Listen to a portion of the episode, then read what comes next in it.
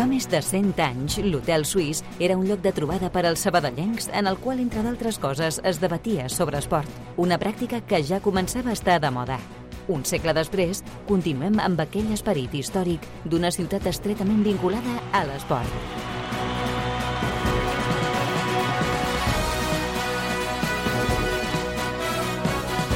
Hotel Suís, amb Pau Vituri.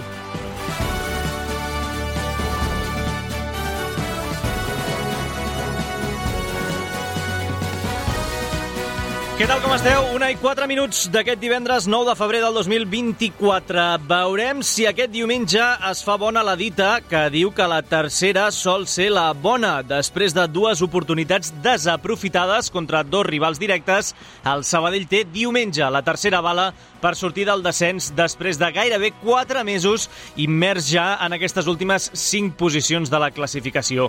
Tot i ser un dels últims equips que jugarà aquesta jornada, el fet que hi hagi un Tarazona Cornellà provocarà que l'equip d'Òscar Cano depengui d'ell mateix. Els dos equips, recordem que estan per sobre del centre d'esports a la taula. Continua sent anecdòtic perquè tot just és la jornada 23 i encara quedaran un bon, grapats de parti... un bon grapat de partits, volíem dir. Però vaja, que aquest al·licient és innegable.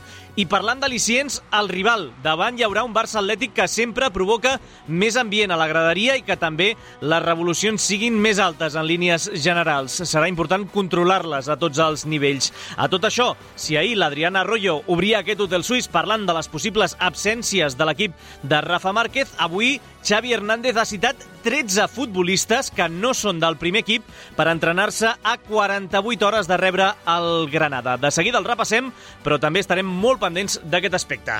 Tot l'esport de la ciutat, d'una a dues a l'Hotel Suís de Ràdio Sabadell. Tanquem la setmana amb el Toni González a les vies de so. Què passa fora de l'hotel en un minut? Doncs relacionat amb això que comentàvem, Apel·lació també ha desestimat el recurs per la segona groga que va veure Vitor Roque a Vitoria i que el farà perdre's el partit contra el Granada. Això podria significar que algun futbolista del filial o del juvenil anés convocat contra el... anés convocat en aquest sentit amb el primer equip. Ahir es va dur a terme el sorteig de la Nations League masculina amb Espanya en el grup A4 al costat de Dinamarca, Suïssa i Sèrbia. I avui hi ha Eurolliga de bàsquet a dos quarts de nou al Palau Barça-Alba de Berlín amb Roger Grimau demanant paciència abans del debut de Ricky Rubio. I tot això tenim avui al sumari.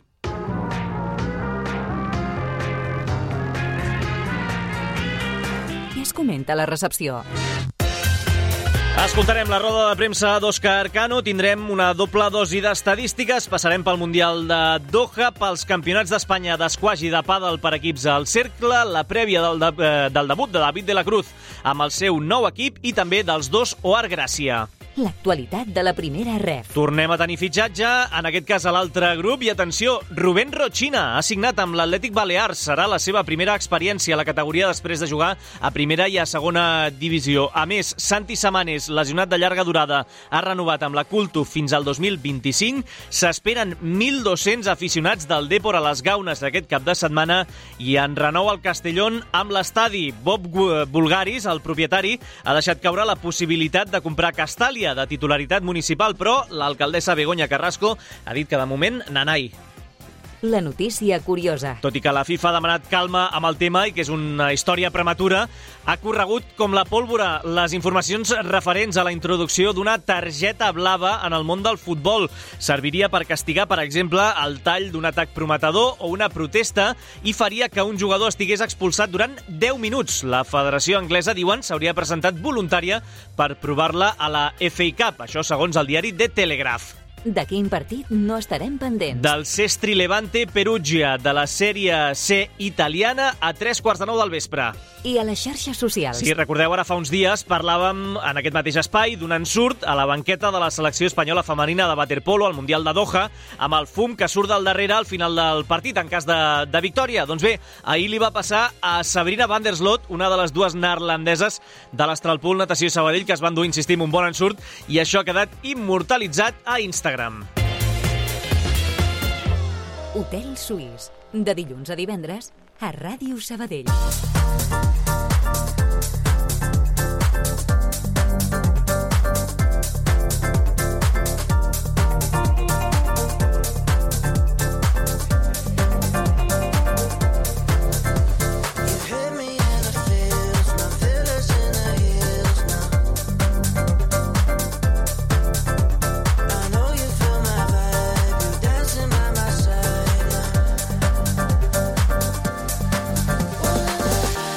Minuts del migdia d'aquest divendres 9 de febrer del 2024, hotel suís previ al Sabadell-Barça Atlètic de diumenge a les 6, segon partit consecutiu a l'estadi de la Nova Creu Alta i, com dèiem al principi, tercera oportunitat consecutiva per sortir d'una vegada per totes d'aquesta zona de descens gairebé quatre mesos després, des de mitjans d'octubre, en aquella visita al Cerro del Espino, al Rayo Majadahonda, en la visita, o en l'estrena, millor dit, de, de Gerard Bufill a la, a la banqueta. Menys de 6 minuts perquè comparegui, per tant, Òscar Cano en sala de premsa. Marxem fins a l'estadi de la Nova Creu Alta. Sergi Parc, què tal? Molt bon dia. Hola, Vitori, bon dia. Anem en hora o no? Doncs no ho sé, perquè aquí hi ha molt rebombori, però de moment no hem vist eh, Òscar Cano aparèixer per aquí pels voltants de la Nova Creu Alta, que segur que hi és. Eh, de seguida de compareixer, com dius, d'aquí 5 minutets aproximadament ha de parlar el Granadí abans del duel contra el Barça Atlètic, però veurem si anem en hora o no. En principi no ens han avisat del contrari. Tot plegat després d'un nou entrenament que ha fet el Centre d'Esport Sabadell, el penúltim d'aquesta setmana per preparar aquesta visita del, del filial blaugrana.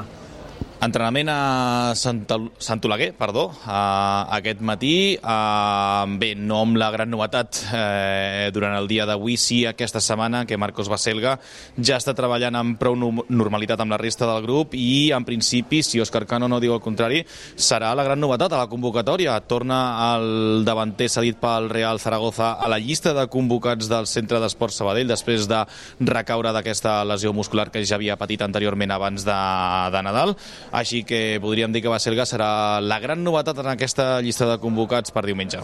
Doncs uh, s'espera el retorn del futbolista cedit pel Real Zaragoza, veurem si únicament per, per escalfar banqueta, uh, dir-ho planament, o si per tenir ja algun minut de, de joc. Ja l'esmentava la setmana passada Cano, també en roda de premsa, veurem quines novetats aporta al voltant de la figura de Marcos Baselga. Uh, la infermeria, Parc, a tot això s'ha quedat, si no em dius el contrari, en els tres lesionats de, de llarga durada.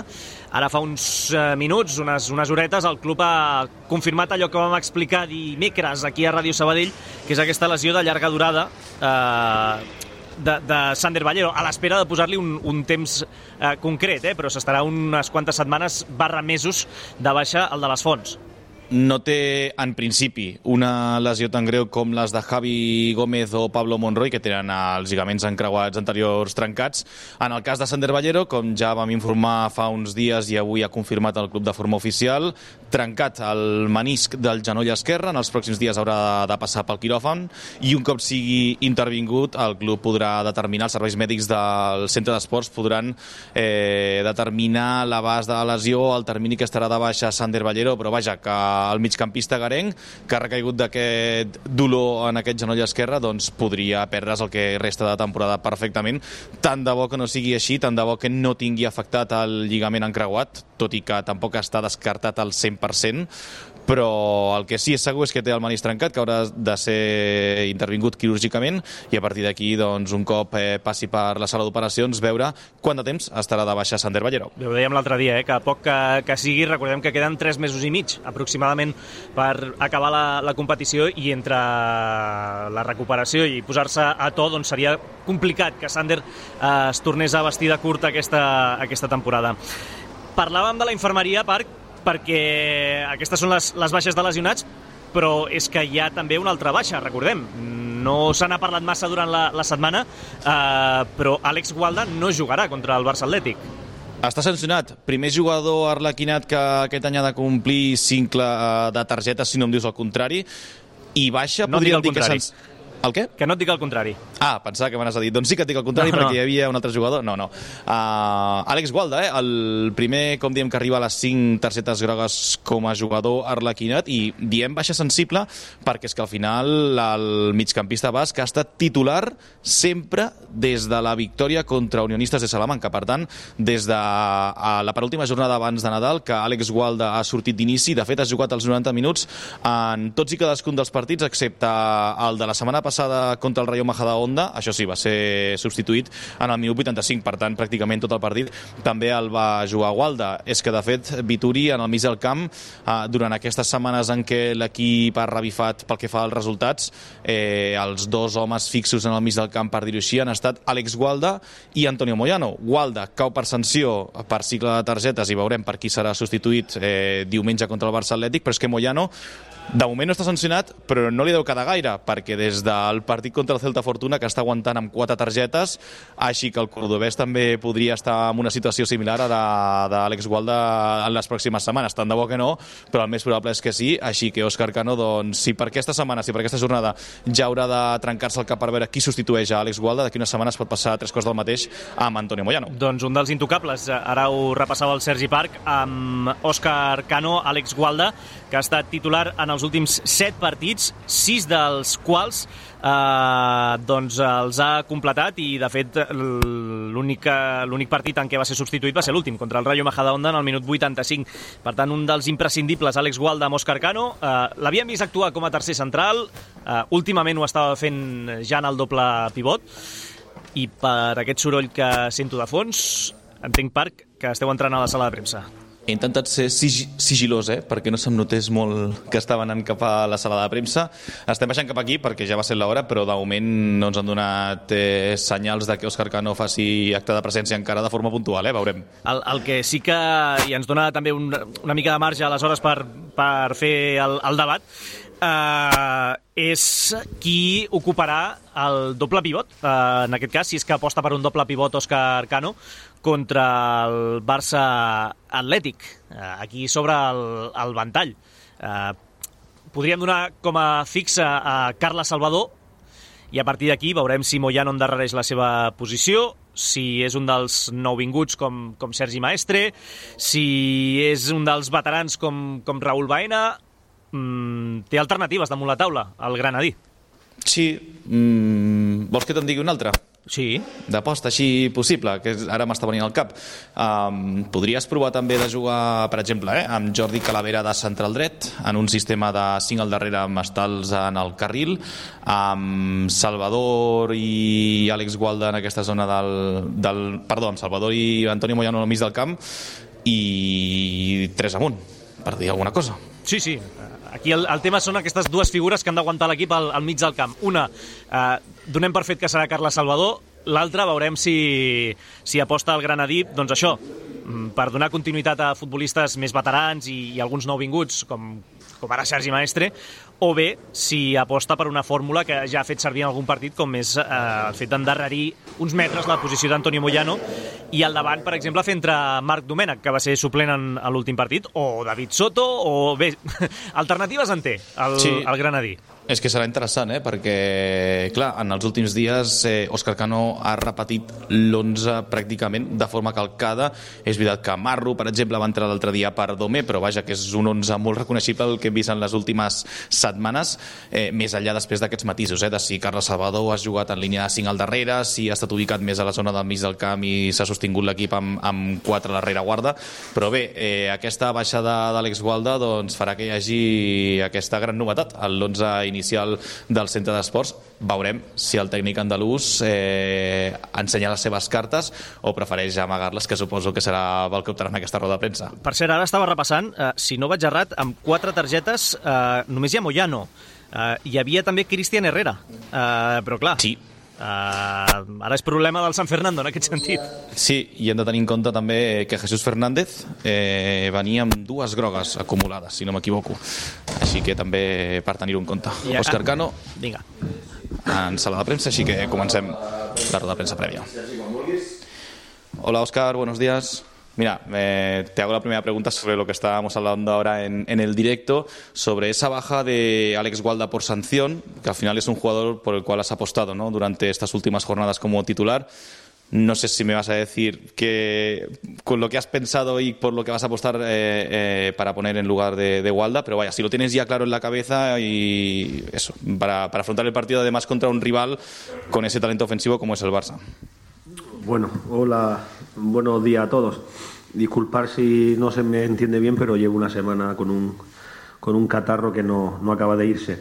A ver, hay distintas alternativas. Es una pena la baja de Walda porque eh, no solo eh, habíamos apostado o hemos apostado por él, sino que yo creo que está haciendo un, eh, está siendo ¿no? uno de los mejores jugadores, es un jugador que, lo necesitamos mucho porque tiene unas condiciones y unas características básicas ¿no? para, para que los centrales puedan tener un pase evidente y los de arriba también puedan tener un pase evidente a partir de él. Yo creo que es un, uno de esos jugadores que juntan a los equipos porque eh, tiene mucha capacidad para, para, hacer jugar a los demás. Pero bueno, el equipo dispone de otros recursos ¿no? para, para poder suplirlo. ¿no? En este caso, pues hay tres evidentes, o es bajar la, la posición de Moyano eh, o darle cabida a Baena o a, o a Sergi. ¿no? Yo creo que el equipo está muy bien construido y, y, uno puede decir que el equipo está bien construido cuando tiene alternativas, a pesar de que las bajas sean significativas, como en este caso es la de Igualdad, porque viene siendo, como tú bien dices, un jugador que, que interviene ¿no? muchísimo. ¿no? Es decir, ha sido, quitando mis dos primeros partidos, ha sido siempre titular y y la verdad que es un jugador que nos ha dado mucho, ¿no? Pero bueno, eh, yo creo que el equipo se sostiene también sin, sin igualdad, evidentemente ocurrirán otras cosas porque son jugadores distintos los que tienen que intervenir por él, eh, me decida por el que me decida y, bueno, saldremos de dudas el domingo. Sí, este 2024 todavía no conoce la derrota. No es la derrota, aquest 2024. Si la victòria contra el Celta Fortuna de fa unes setmanes pot servir per enfocar el partit d'aquest diumenge que si s'ha guanyat aquest partit, ¿por qué no fer contra el conjunt blaugrana? Bueno, yo creo que se le puede ganar a cualquiera. Es una categoría donde todos los equipos tienen recursos para, para creer y considerar que se puede sacar los partidos hacia adelante, ¿no? Sí, tiene muchas cosas en común, obviamente, jugadores con buen pie, que se juntan bien alrededor, alrededor de la pelota, gente con, con mano a mano, eh, chicos que están llamados a, eh, en un futuro eh, muy cercano, muy próximo a formar parte ¿no? de la élite del, del, fútbol nacional y, en ese sentido sí se parecen, ¿no? Después pues tienen cosas que no son, no son similares. Yo creo honestamente ¿no? que, es un equipo, eh, el Barcelona B, que tiene centrales más contundentes o, o, que defienden mejor el área y los espacios ampliados que los que puede tener el, el, Celta B, ¿no? Eh, que tienen otro tipo de jugadores, el Celta B, ¿no? Eh, que, muchos de, o en varios casos no, no, son ni centrales, no tienen experiencia previa como centrales. Eh, sí que es cierto que se maneja muy bien con, con el balón y, bueno, y el Celta propone jugar con carrileros, el Barça es más de extremos. Es un, es un rival muy difícil, ¿no? Fíjate la dimensión que tiene y la calidad que tiene el equipo que eh, podemos hablar de Héctor Ford, de Cubarsí, eh, de Lamín y de un sinfín de jugadores que ya no solo han tocado el primer equipo, sino que son asiduos en las convocatorias y en las alineaciones del mismo y aún así siguen saliendo jugadores que bueno que copan las selecciones nacionales, la sub-21, la sub-19, la sub-17. Estamos hablando evidentemente de uno de los, de los mejores clubes ¿no? de la historia del fútbol y por tanto tiene pues una de las mejores plantillas sin duda de la categoría. ¿no? Lo decías ahora, Oscar, eh, que muchos de estos jugadores van convocados eh, habitualmente con el primer equipo y se da la circunstancia que este domingo el primer equipo juega poco después que, que el partido del Sabadell. ¿Le das muchas vueltas al hecho de que este Barça Athletic no pueda tener alguna de las piezas importantes? No sé si a la hora de planificar el partido, pues mm, lo hace también un poco más difícil de pensar si van a tener o no, por ejemplo, hombres como Pau Víctor, que aquí fue un jugador importante el año pasado. Es que uno se pregunta muchas veces quiénes son los importantes ahí, porque obviamente eh, salen jugadores proyectados al primer equipo y a la élite y el siguiente tiene el mismo perfil y el mismo nivel. Es decir, puede ser que, eh, que no venga Pau, pero que vengan otros jugadores que posiblemente van a estar al mismo nivel en su crecimiento eh, que va a estar Pau ¿no? en, un, en un futuro, como digo, no muy, no muy lejano. ¿no? Uno no.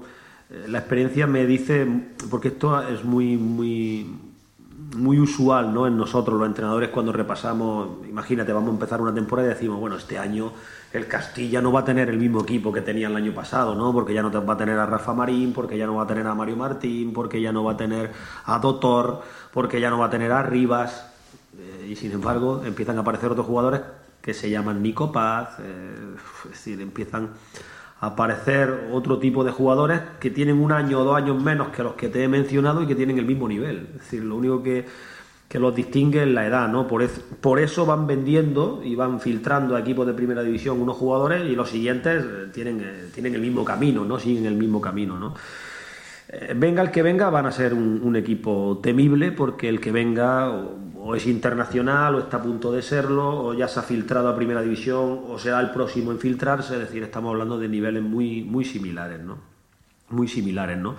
Existe dentro de, de, esto, de este grupo de jugadores que están llamados a ser de la élite, lo que sí existen son jugadores que derriban la puerta eh, de manera significativa, es decir, pues estamos hablando de los Gavi, de los Lamin, de los Ansu Fati, esos sí que son realmente hiper diferenciales en este tipo de categorías, ¿no? Los demás van a ser jugadores de primera división, algunos de ellos van a jugar incluso en el Barça, pero evidentemente existen esos 3-4 jugadores que se saltan las etapas eh, a, a, una velocidad de vértigo, ¿no? Es decir, Gaby no ha pasado por el Barça B, Lamin no ha pasado por el Barça B, ¿no? Pero es que esos sí que son realmente distintos, no solo dentro del contexto Barça, sino que distintos a nivel mundial. Es decir, estamos hablando de varios de los mejores jóvenes del mundo, ¿no? Eh, por tanto, por concretar, eh, creo sinceramente y viendo las distintas alineaciones y que pueden plantearnos los distintos jugadores de los que puede eh, tirar el primer equipo,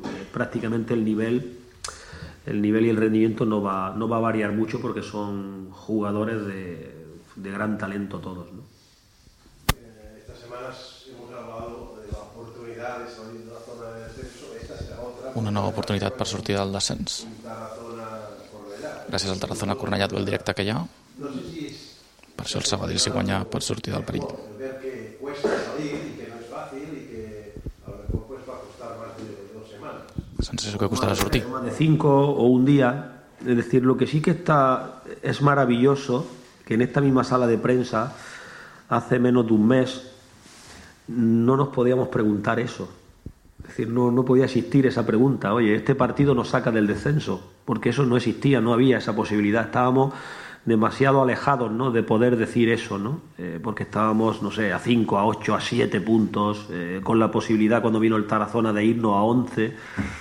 Esa era la realidad y ahora estamos en otra realidad, por lo tanto vamos a no tener prisa. Cuando lo importante es que ya pertenecemos a ese grupo de equipos que, eh, que pueden decir eh, con, con, derecho a decirlo que se puede salvar. Es decir, ya lo mismo que hay una serie de equipos que llevan diciéndolo muchas semanas, nosotros ya formamos parte de ese grupo, porque yo creo que estábamos muy distanciados de poder decirlo. ¿no? Los chicos han hecho un sobreesfuerzo brutal y todo se lo debemos a ellos, y lo digo como lo siento.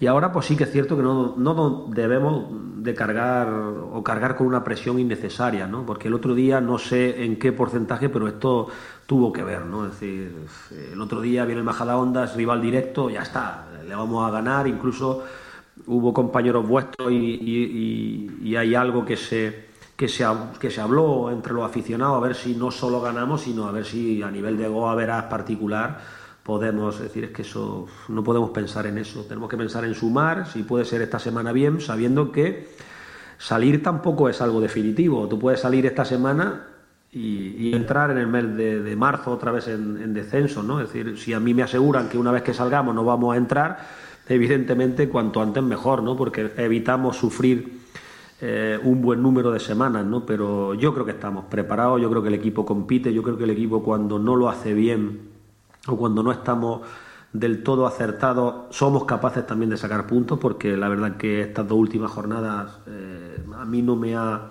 dejado muy satisfecho lo que hemos hecho, y cuando hablo de lo que hemos hecho hablo de mí también, es decir, de lo que hemos propuesto, de lo que hemos tratado de realizar, de, cómo hemos eh, predispuesto al equipo, no, no, no estoy satisfecho porque yo creo que el equipo tiene eh, tiene más de lo que ha demostrado en Logroño y aquí contra Majadahonda, porque al final hemos convertido los partidos en, un intercambio eh, absurdo, de golpes que no, eh, que no me ha dejado satisfecho, repito, y lo que sí que es cierto que, bueno, que, que me hagas esta pregunta, la verdad que me, me deja muy satisfecho, ¿no? Porque era una pregunta irrealizable hasta hace, hasta hace poco, ¿no?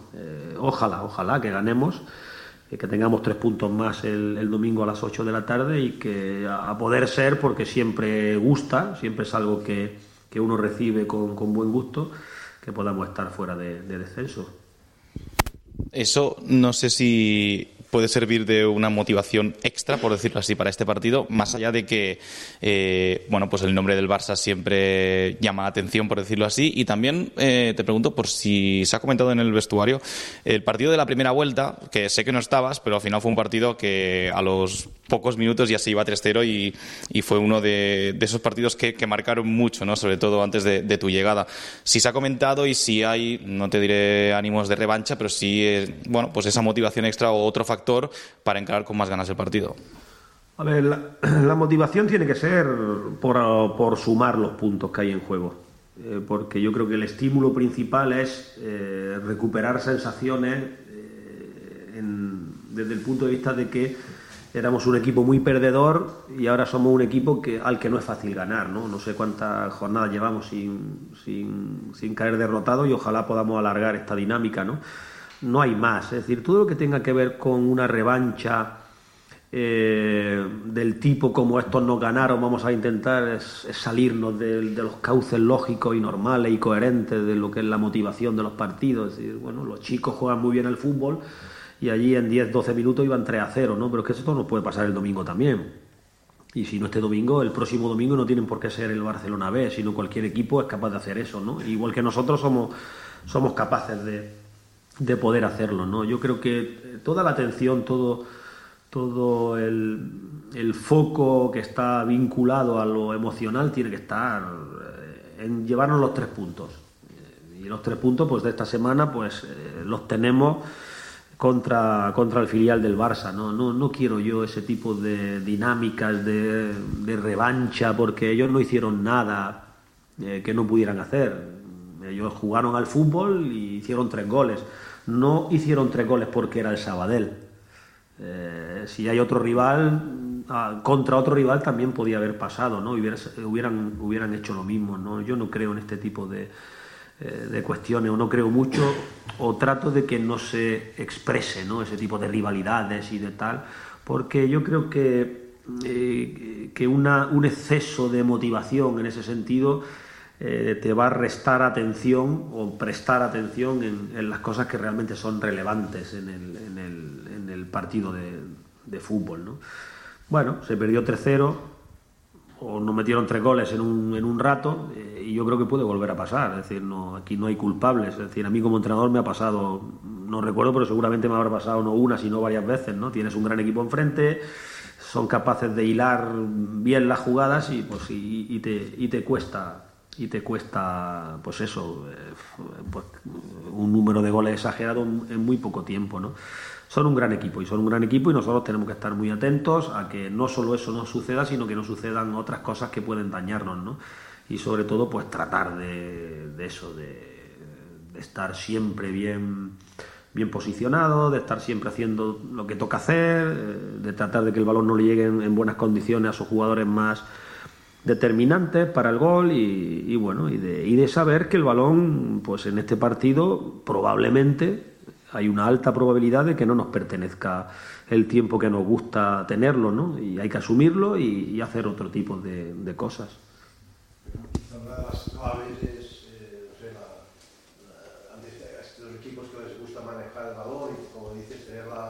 Un equip que li agrada tenir la possessió aquest Barça Atlètic sí, s'ha de ser agresiu de forma ben entesa, no deixar els espais.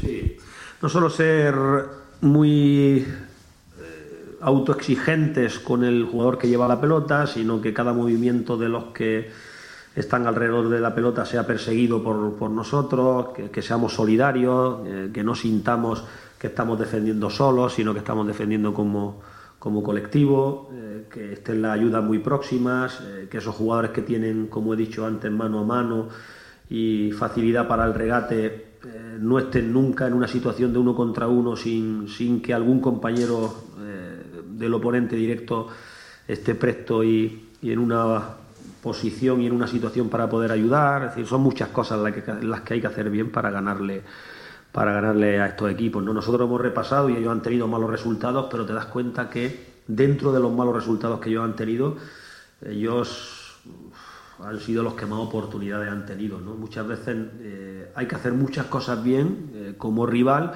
y que ellos eh, no estén muy acertados, ¿no? porque son jugadores diferenciales, evidentemente todavía no están todos para jugar en primera división, pero potencialmente son todos de nivel, o casi todos de nivel de primera división, ¿no? y sobre todo ahora, antes en los filiales sí que es verdad que había un poquito de más mezcla, ¿no? Y te podías encontrar un chico que llegaba a primera división y otro que se perdía en, tercera, ¿no? Hoy es muy difícil pensar que algún jugador de, los que actualmente forman o conforman la plantilla de, de este filial no puedan llegar al fútbol profesional, ¿no? Eh, por tanto hay que hay que hacer muchas cosas y muchas cosas bien y que ellos tampoco tengan su día si queremos salir victoriosos, ¿no?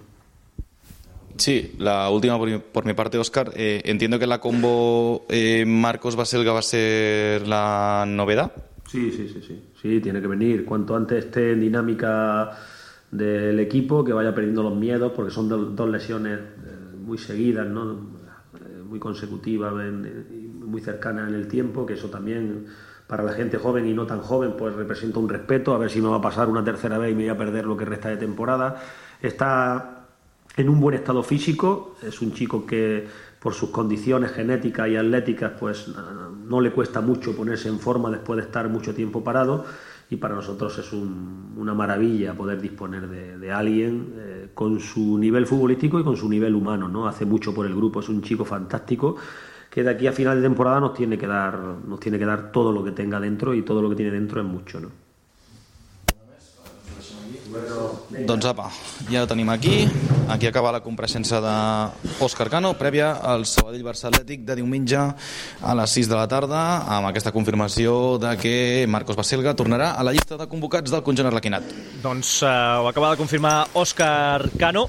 Uh, per rematar-ho, Sergi Parc, uh, comentem si et sembla també les uh, baixes, bé, les baixes, encara no està confirmat perquè no hi ha convocatòria, però si més no, el que dèiem al principi, la llista de 13 futbolistes que no són del primer equip, que avui s'han entrenat sota les ordres de, de Xavi Hernández. Sí, eh, són un bon grapat eh, entre filial i juvenil. De fet, alguns dels que esmentaves Carcano, com Covarsí, Héctor Fort, eh, els Marc Casador, Unai Hernández, Pau Víctor... Vaja, és que la llista Vitorí, com dius, és d'una tretzena d'homes que s'han entrenat amb el primer equip, veurem quants d'ells entren a la convocatòria, però és molt possible doncs, això que hi hagi futbolistes del Barça Atlètic que estiguin en el duel contra el Granada del primer equip i per tant no hi siguin a la nova Creu Alta diumenge. Doncs aquesta llarga llista de, de futbolistes que, que anava circulant en les últimes hores a les, uh, a les xarxes socials uh, i de la qual en formen part agafeu paper i bolígraf, eh? eh Cogen, Cubarsí, Héctor Fort, Marc Guiu, Casador, Unai, Pau Víctor, Sergi Domínguez, eh, Micail, Embaque, Gerard Martín, Aleix Garrido i Cuellar, els futbolistes, els 13 que han entrenat avui amb el, amb el primer equip del Barcelona i veurem si, bé, quants d'ells acaben entrant a la convocatòria per jugar, en aquest cas, contra el Granada, amb el primer equip, i per tant s'han de perdre el desplaçament a la, a la nova Creu Alta. No ens deixem res, no, Sergi? Res més, Vituri, simplement que avui hi ha hagut rodatge aquí a la Nova Creu Alta, eh? D'un ah. anunci, per tant, molts camions, molta gent, molta vestimenta. Eh, la Nova Creu Alta vestint-se de cinema durant la jornada d'avui. Doncs sol ser habitual, eh? Uh, la nova Creu Alta com a escenari de, de rodatge d'espots, uh, sèries i bé, tot el que tingui a, a veure amb, amb aquest sentit. Gràcies, Sergi. Adéu, Vituri. Doncs nosaltres com completem aquesta prèvia del Sabadell-Barça B, eh, Barça Atlètic, d'aquest diumenge a les 6, amb una doble dosi d'estadístiques. Eh, D'entrada, comencem amb les estadístiques habituals de cada partit, amb la veu de la Núria Garcia.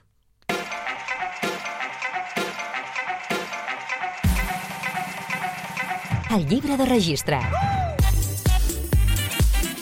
Recordeu aquella famosa Copa Catalunya que el Sabadell va guanyar l'any 2016 contra el Barça B? Doncs a dia d'avui segueix sent l'última victòria a la nova Creu Alta davant del filial blaugrana. Els precedents. Des de llavors, el centre d'esports ha sumat un empat i tres derrotes, les dues últimes ja a la primera federació.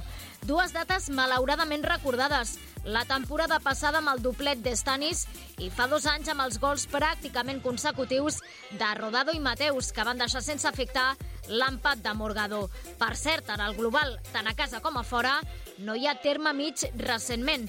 Els últims nou partits han acabat o bé amb victòria arlequinada, tres cops, o amb victòria blaugrana, sis. La curiositat. Si haguéssim d'apostar diners a un marcador, el 0 a 0 inicial seria a priori una mala opció. Tant el Sabadell com el Barça Atlètic encara no han empatat sense gols aquesta temporada. I tornant al tema dels precedents, els darrers 20 partits entre tots dos equips han acabat amb alguna porteria foradada. Per trobar l'últim 0 a 0 ens hem de remuntar a segona divisió el 10 de març de 2012. El rival. L'equip de Rafa Márquez passa per un tram de temporada irregular. És cert que ha sumat 7 dels últims 9 punts en joc, però ve d'empatar el Johan Cruyff contra la SD Logroñés. I si obrim una mica més el ventall, només ha guanyat aquests dos partits dels últims vuit, encaixant gols en tots ells. Això ha fet viure al filial blaugrana a les portes del play-off, però sense acabar-hi d'entrar. L'estrella rival. Un dia més destaquem la figura de l'ex-arlequinat Pau Víctor amb els seus 12 gols.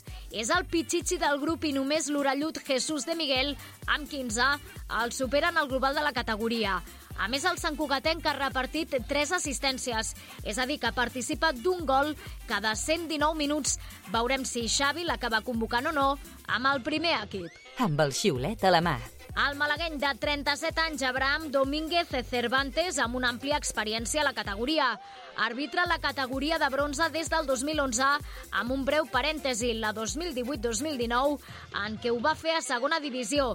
Té dos precedents amb el Sabadell, la victòria a Elx el dia de Reis amb el gol de Guillem Enot i el debut amb derrota de Munitis a casa contra l'Andorrà i tres amb el Barça Atlètic, dues victòries i una derrota. Compta amb una mitjana de 5,74 grogues per partit i 0,26 vermelles. El llibre de registre de l'hotel. I com dèiem, al marge de les estadístiques prèvies a aquest Sabadell-Barça Atlètic, avui ens hem volgut fixar en una dada curiosa. Quatre dels últims set gols arlequinats han vingut des de fora de l'àrea. Ha estat molt habitual això aquesta temporada, doncs hem tingut a l'Adriana Arroyo amb la col·laboració del nostre estudiant en pràctiques, l'Ivan Lechuga, remenant entre les dianes d'aquest Sabadell 2023-2024. Aquest n'és el resultat. En una setmana en la qual hem parlat tant de defenses, la del Sabadell la que més encaixa, les millores amb Cano, el porter Hortolà parlant dimecres, els fitxatges de la rereguarda presentats ahir, avui posem la lupa en l'aspecte ofensiu responent a tres preguntes ben simples. La primera, quan han arribat els gols del Sabadell? I no en referim durant la temporada, sinó en els partits. En quines franges celebren més gols els arlequinats? Aproximadament dues terceres parts han arribat del minut 45 endavant. En concret, el Sabadell ha fet 17 gols a la segona meitat i només 7 a la primera. Hem de remuntar-nos a l'era Miquillador per trobar el gol més matiner i també el més tardà, i els dos en el mateix partit. Sabadell 2, Promeses 1. Pau Resta va fer el primer al minut 16. No ha marcat cap gol abans d'aquest minut, enguany el Sabadell.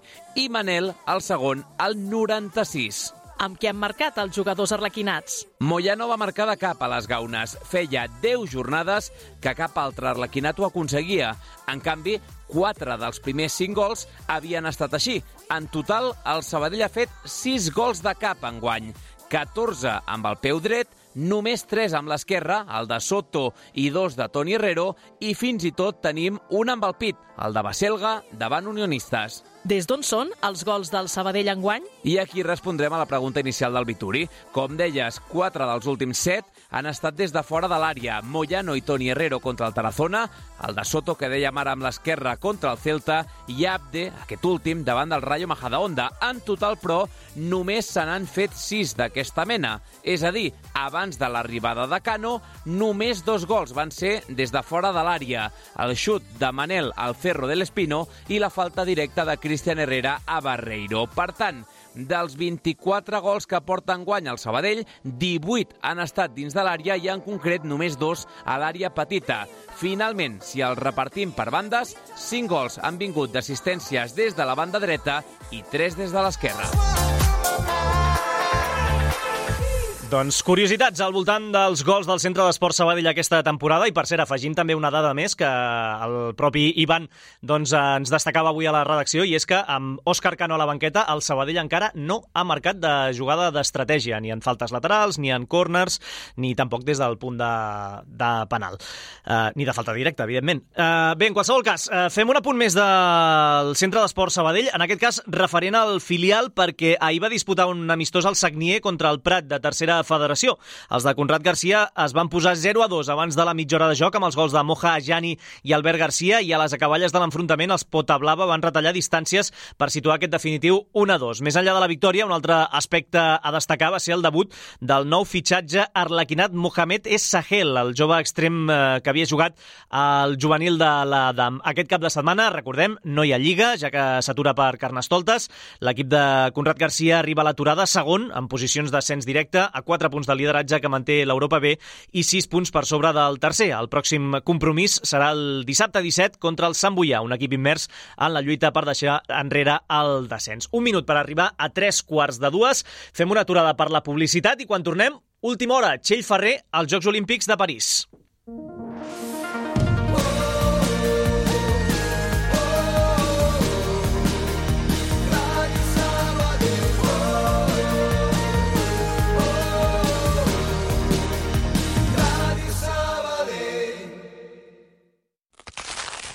Ets un panarra. T'agrada el pa de debò, cruixent amb molla esponjosa i l'aroma de l'autèntic pa.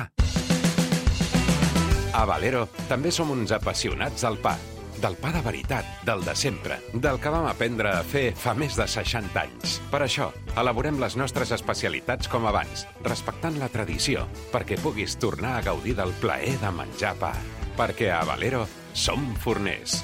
Som del Sabadell.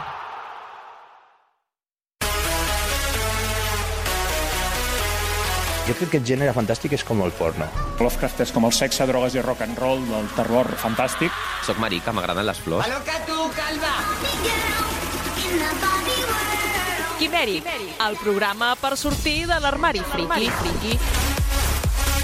Friki, friki. Divendres, cada 15 dies a les 7 del vespre. I en redifusió diumenge a les 11 de la nit i dilluns a les 3 de la tarda. Friki. Quimèric, el programa de gènere fantàstic. A Ràdio Sabadell. Taxi Més ara t'ho posa més fàcil. Pots demanar un taxi a la teva ciutat per WhatsApp al 608 48 30 02. Recorda, 608 48 30 02. Més informació a taximés.com. Taxi! Radio Taxi Sabadell, el teu taxi de referència a Sabadell. D'una a dues, l'Hotel Suís, a Ràdio Sabadell.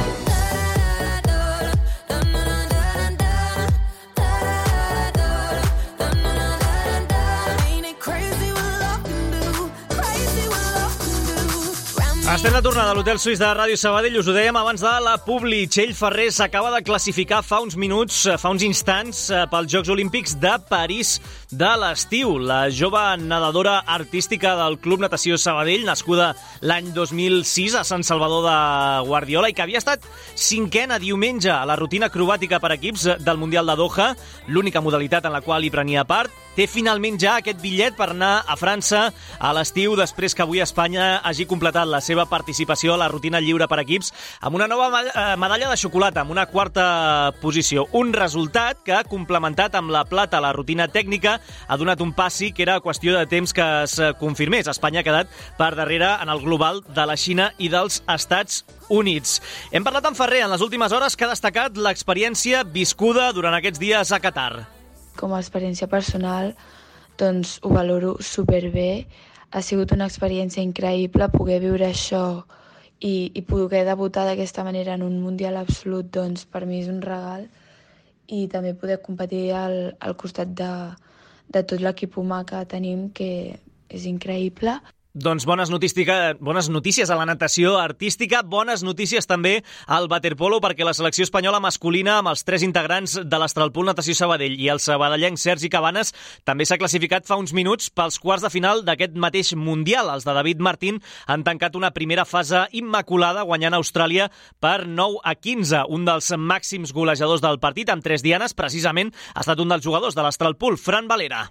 Ha sigut un partit molt dur, sabíem que és, és un rival molt físic i que havíem de fer les coses molt bé, però bueno, al final ho hem aconseguit treure i ja estem molt contents. Sabíem que seria un partit molt difícil i al final, imposant el nostre joc, que, que hem aconseguit treure els tres punts al partit. Tenim tres dies i mig per preparar-nos bé, serà segurament el partit més important del campionat i esperem donar la talla. Doncs el pròxim partit serà dimarts de la setmana que ve i sortirà del guanyador de l'eliminatòria entre Romania i el segon del grup C, que molt probablement serà la Montenegro de Costa Berca i Stefan Vidovic. A tot això, la selecció espanyola femenina també va fer ahir el 3 de 3, guanyant 14 a 7 a França en un partit sense massa història, ja que tenien la primera plaça assegurada, a destacar la presència sota pals de Laura Aster. El seleccionador Miki Oka ressalta la importància ara de no baixar pistonada als entrenaments. Ahora lo importante es esto, ¿no? Estos, estos cuatro días que tenemos hasta el partido de cuartos, pues eh, durante los entrenamientos mantener el tono de competición, ¿no? Para, para, para, no, para no bajarlo y, nada, pues a partir de ahí preparar bien el partido con Canadá. El rival a quarts, eh, en aquest cas dilluns, sortirà del guanyador del Nova Zelanda-Canadà, tot i que Miki Oka ja donava per fet que seria la selecció canadenca. La Itàlia, a tot això de Sofia Giustini, també ha passat directament a quarts, mentre que Sabrina van der Slot i Marche Keuning, amb els Països Baixos, hauran de jugar el duel contra la Xina de vuitens. Escolta el programa quan tu vulguis al podcast de l'Hotel Suís. my love.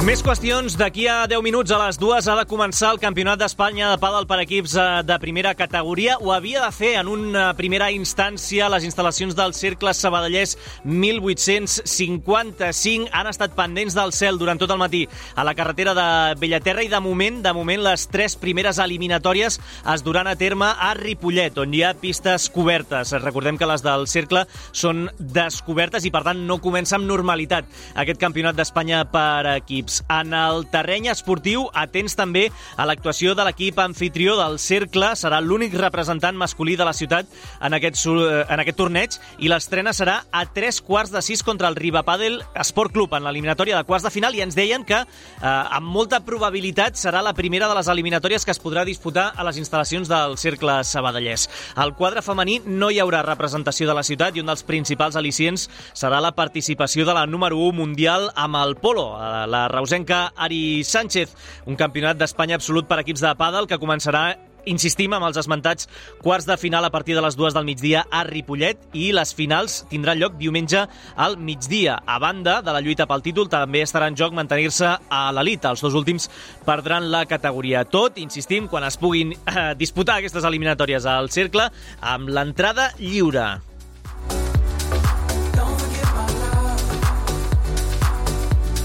I més esports de raqueta en aquest cas perquè Iker Pajares surt com a principal favorit del Campionat d'Espanya d'Esquash que ja s'està disputant a Santiago de Compostela. El eh, jugador sabadellenc espera revalidar la corona de l'any passat a Palència i de fet conquerir el que seria el seu quart títol consecutiu. El del tenis Sabadell, 19è del món i millor espanyol del rànquing PSA, és el cap de sèrie número 1 del torneig i reconeix que arriba a Galícia en molt bona forma. Ara vaig guanyar la Copa d'Espanya en aquestes instal·lacions, en aquestes pistes, ara farà, farà uns mesos, el passat mes d'octubre, i bé, arribo, arribo molt, molt bona forma, eh, tant físicament com, com de cap, com mentalment.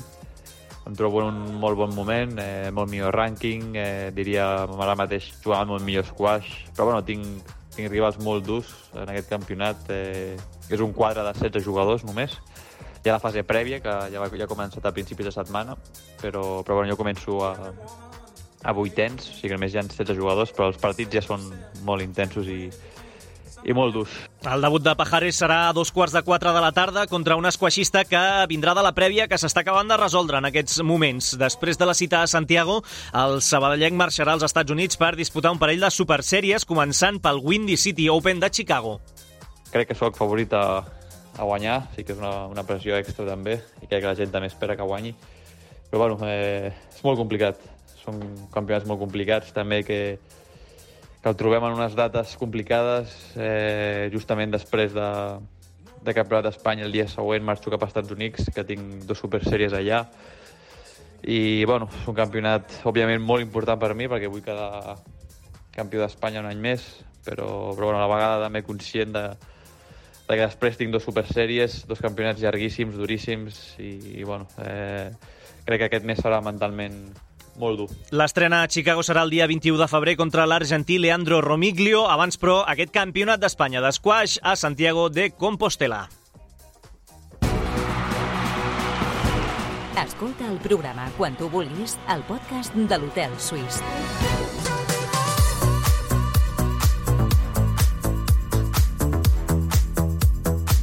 6 minuts i mig per arribar a les dues. En ciclisme, David de la Cruz ho té tot a punt per posar-se al seu primer dorsal, el 161, amb el seu nou equip, el Q36.5 Pro Cycling Team. Moltes ganes no, de, de debutar amb l'equip. La veritat és que he tingut un hivern força bo i la rebuda de, per part de, de l'equip del Q36.5 ha sigut, ha sigut fantàstica.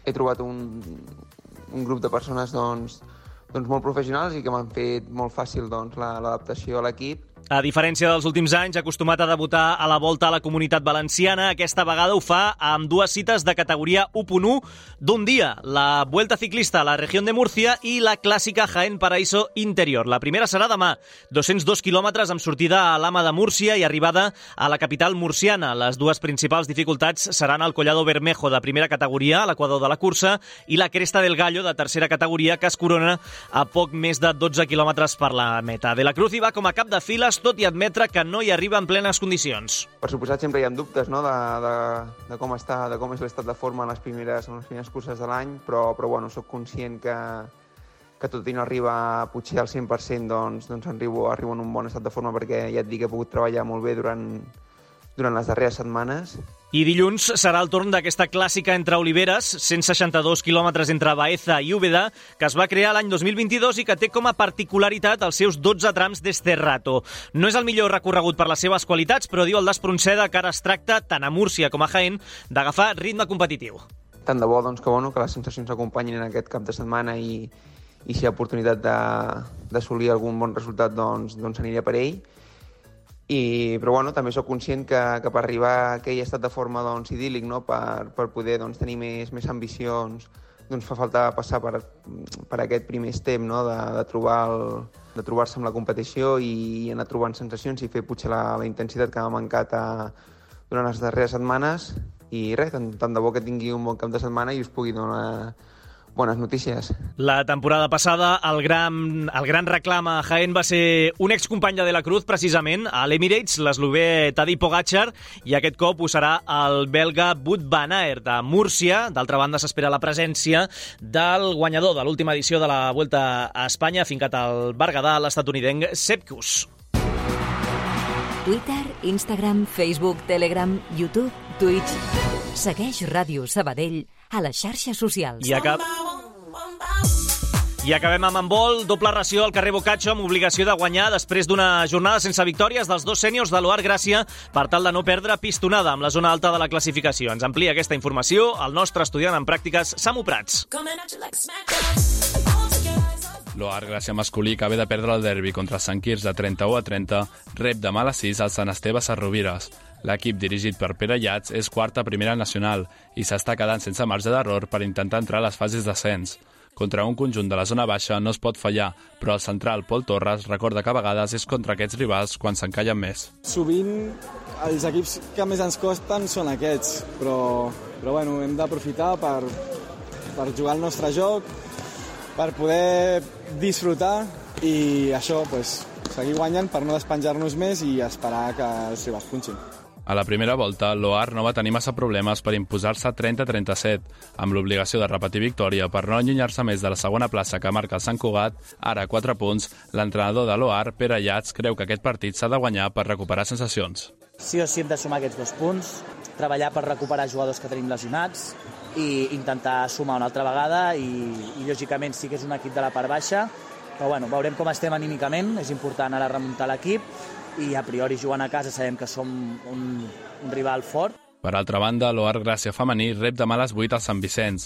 Les de Carol Carmona tenen una situació més favorable a la de l'equip masculí, ja que estan a dos punts de Sant Joan d'Espí, el segon classificat de plata i rival de l'última jornada, però amb un partit pendent que recuperaran entre setmana contra el Mataró.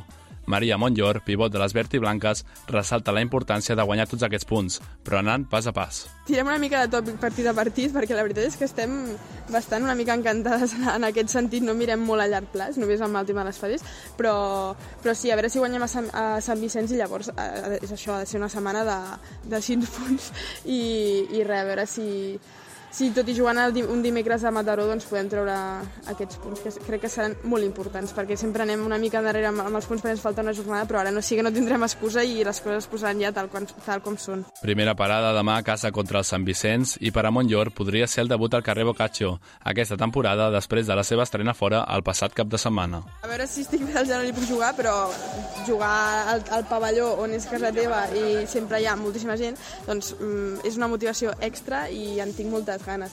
Sí. I, bueno, i a sobre fer-ho amb un rival com és el, el Sant Vicenç, no? que sempre hi ha aquesta, aquesta rivalitat. Llavors, això sí, moltes ganes d'afrontar el partit de la setmana que ve i a veure si ens traiem ja l'espineta aquest de, l'espineta aquesta de portar dos empats consecutius. Setmana de tres partits per l'OAR, doncs, que arrenca demà amb el duel contra els del Baix Llobregat. Dimecres, partit a Mataró i la setmana que ve desplaçament a la pista de l'Onda.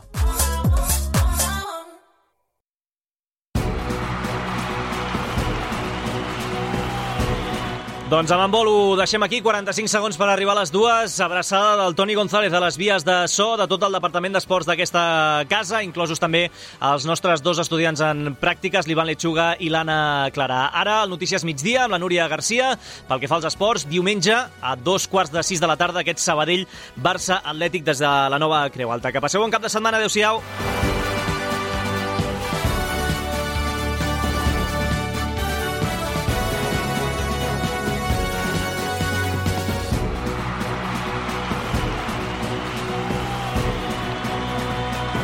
L'esport de la ciutat, d'una a dues a l'Hotel Suís de Ràdio Sabadell.